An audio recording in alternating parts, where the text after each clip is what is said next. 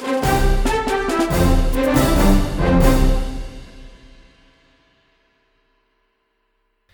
Witajcie, z tej strony Staszek i witam w kolejnym odcinku Anestezjo Podcastu. W tym odcinku pochylimy się nad zagadnieniem urazów rdzenia kręgowego. Wraz ze zbliżającym się sezonem wakacyjnym warto uporządkować sobie tę wiedzę. W Polsce corocznie uszkodzenia rdzenia przytrafiają się około 800 pacjentom, z czego aż 10-11% stanowią nieudane skoki do wody. Wśród innych najczęstszych przyczyn wyróżniamy wypadki przy pracy, upadki z wysokości stanowią bowiem w Polsce około 55% przypadków i wypadki komunikacyjne, które są przyczyną mniej więcej 1 trzeciej zdarzeń. Ciekawym jest, że mimo identycznej zapadalności jak w krajach zachodnich, która wynosi około 20 przypadków na milion mieszkańców, dystrybucja przyczyn w Polsce jest trochę inna. W Niemczech czy Austrii grubo ponad połowa nowych zachorowań to wypadki komunikacyjne, przypominam w porównaniu do 33% w Polsce. Dużą rolę odgrywają też nagłe stany onkologiczne, a zdarzeń w wyniku uprawiania sportu czy wypadków przy pracy, w tym w szczególności wypadków z wysokości, odnotowuje się tam znacząco mniej. W dzisiejszym podcaście poruszymy kilka tematów. Będzie mowa o klasyfikacji uszkodzeń rdzenia kręgowego, o patofizjologii reakcji organizmu w zależności od poziomu uszkodzenia rdzenia, o wstępnym zabezpieczeniu na miejscu zdarzenia czy szpitalnym oddziale ratunkowym oraz o specyfice postępowania anestezjologicznego w takich przypadkach. Tekstowy zapis podcastu znajdziecie na stronie internetowej.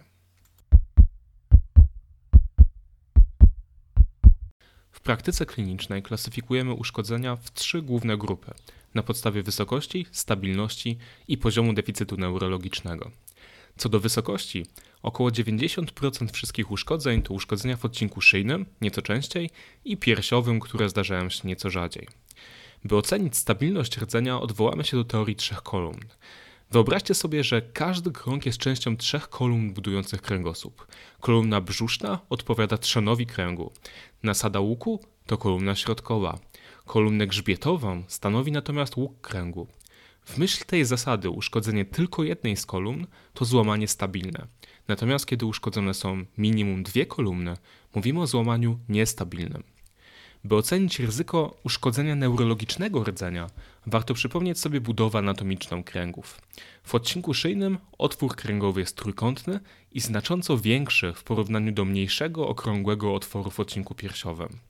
Oznacza to, że niestabilne złamanie w odcinku piersiowym częściej skończy się porażeniem poprzecznym, bo rdzeń kręgowy nie ma tam miejsca, żeby pod wpływem ucisku ewentualnie dokądś uciec. Uszkodzenie rdzenia kręgowego może być całkowite i niecałkowite. O niecałkowitym będziemy mówili wtedy, gdy poniżej poziomu uszkodzenia występuje choćby częściowo funkcja neurologiczna.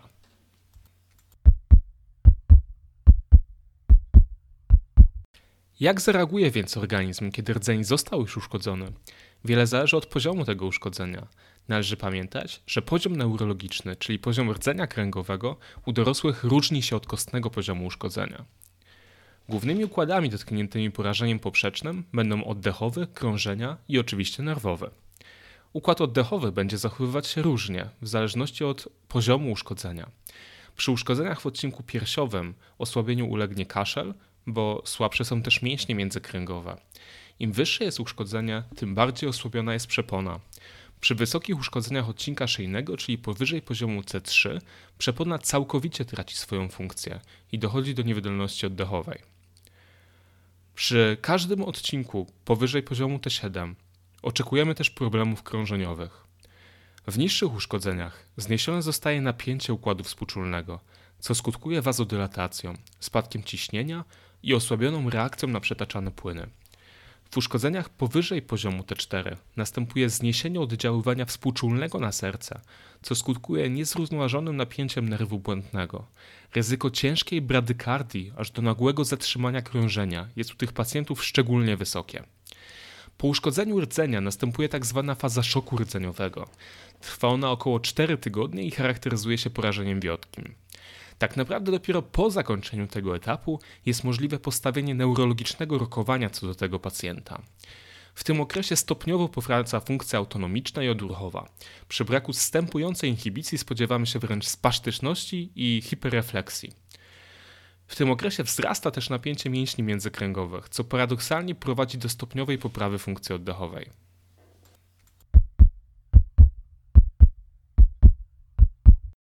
Mówiąc o patofizjologii uszkodzenia rdzenia, nie można zapominać o ryzyku uszkodzenia wtórnego. Zaoperujące rdzeń naczynia mogą zostać uszkodzone, obkurczyć się czy krwawić. Wszystkie te komplikacje doprowadzą do uszkodzeń wtórnych. Dodatkowo z powodu niedociśnienia, hipertermii czy hipoksemii wydzielane są mediatory, które powodują apoptozę. W ciągu 8 godzin od powstania uszkodzenia zmiany w rdzeniu kręgowym są już nieodwracalne. W badaniu NASTIC, czyli National Spine Cord Injury Study, badano wpływ wysokich dawek metyloprednizolonu na uszkodzenie wtórne. Mimo, że znaleziono dowody na poprawę stanu neurologicznego, nie wykazano jednoznacznie wpływu na funkcjonowanie pacjentów. Jednocześnie wysokie dawki steroidów prowadzą do osłabienia układu immunologicznego, którego funkcja będzie ważna dla pacjenta, którego czeka przecież prawdopodobnie długotrwała wentylacja mechaniczna. Ewentualna decyzja o podaniu sterydów powinna być wynikiem konsultacji intensywisty i neurochirurga. Najważniejsze zasady na miejscu zdarzenia i w szpitalnym oddziale ratunkowym to unieruchomienie w osi we wszystkich płaszczyznach, na desce ortopedycznej i z prawidłowym unieruchomieniem głowy. Każde podejrzenie uszkodzenia kręgosłupa traktujemy jako potencjalnie niestabilne do momentu, w którym zostanie udowodniona sytuacja przeciwna. By zapobiec uszkodzeniu wtórnemu, redukujemy ryzyko hipoksji, podając tlen w wysokim przepływie. Ważne jest szybkie ocenienie stanu dróg oddechowych i w przypadku konieczności intubacji podjęcie decyzji raczej wcześniej niż później. Należy oczekiwać trudnej intubacji i koniecznie przeprowadzić ją w algorytmie RSI. Ułożenie pacjenta w czasie tego manewru będzie prawdopodobnie suboptymalne. Możliwe jest puchnięcie tkanek miękkich, brzusznie od kręgosłupa na skutek krwawienia, ewentualny uraz okolic jamy ustnej i żuchwy będzie powodował też zmiany anatomiczne i zaleganie krwi i tkanek w jamie ustnej.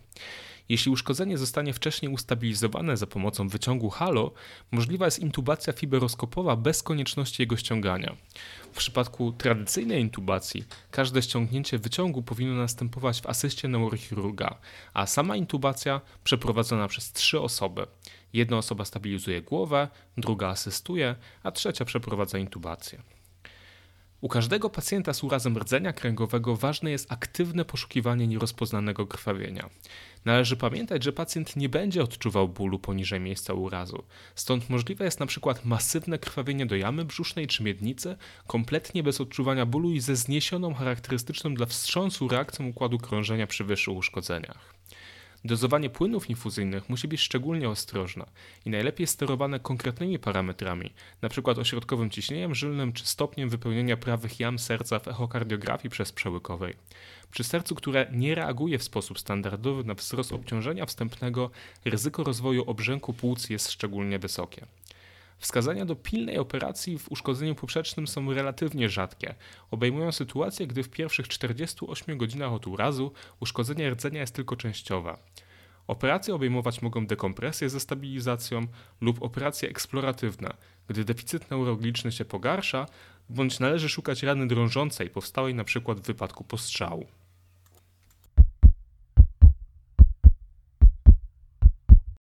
Na co zwracamy więc uwagę przygotowując pacjenta do operacji?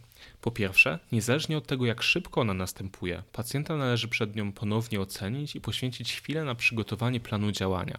Charakterystyczne w drogach oddechowych pacjenta jest zaleganie wydzieliny oskrzelowej przez zniesiony kaszel nawet przy niższych uszkodzeniach.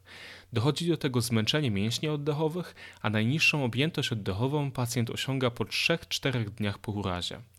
W przypadku, w którym uznamy to za wskazane, dopuszczalne jest wykonanie przedoperacyjnej spirometrii.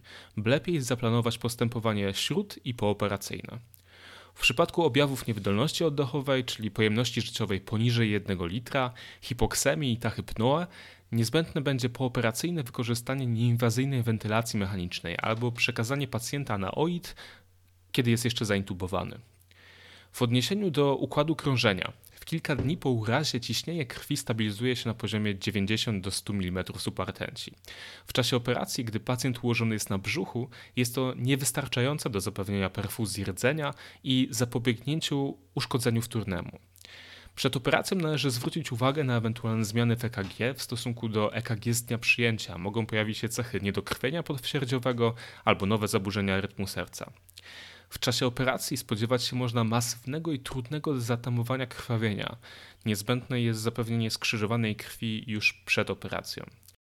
Standardowe dostępy i monitorowanie operacyjne należy poszerzyć o inwazyjny pomiar ciśnienia, OCZ bądź echo przezprzełykowe, a także cewnik moczowy, temperaturę, bo termoregulacja jest osłabiona przez uszkodzenie rdzenia.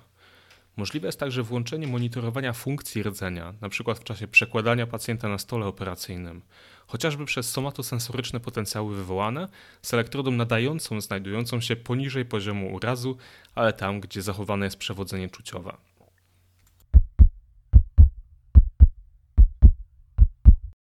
Podczas prowadzenia znieczulenia średnie ciśnienie tętnicze powinno wynosić minimum 60 mm supertenci.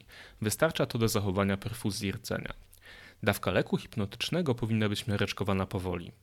Po indukcji zakładamy sondę żołądkową, bo opróżnianie żołądka jest opóźnione. Nie zaleca się stosowania znieczulenia natoponowego na żadnym etapie postępowania. Zaburza to możliwość kontroli neurologicznej w przebiegu postępowania. Z powodu dużej oczekiwanej utraty krwi sensowne jest podłączenie urządzenia do autotransfuzji, np. Cellsavera. Należy pamiętać o wysokim ryzyku ciężkiej bradykarii i asystoli i zawsze mieć pod ręką gotową atropinę. Podsumowując, najważniejsze o czym pamiętać trzeba. Pacjenta zawsze obracamy w osi, wyobrażamy sobie, jak jego deficyt wpływa na patofizjologię i zapobiegamy efektom tego deficytu. Najważniejszy jest spokój, planowanie i podejmowanie działań dopiero, gdy mamy zebrany odpowiedni sprzęt lub personel. Pochopne działania albo zaniedbania mogą kosztować pacjenta życie albo poważnie osłabić jego funkcjonowanie. To tyle na dzisiaj. Mam nadzieję, że dowiedzieliście się czegoś nowego. Słyszymy się niebawem.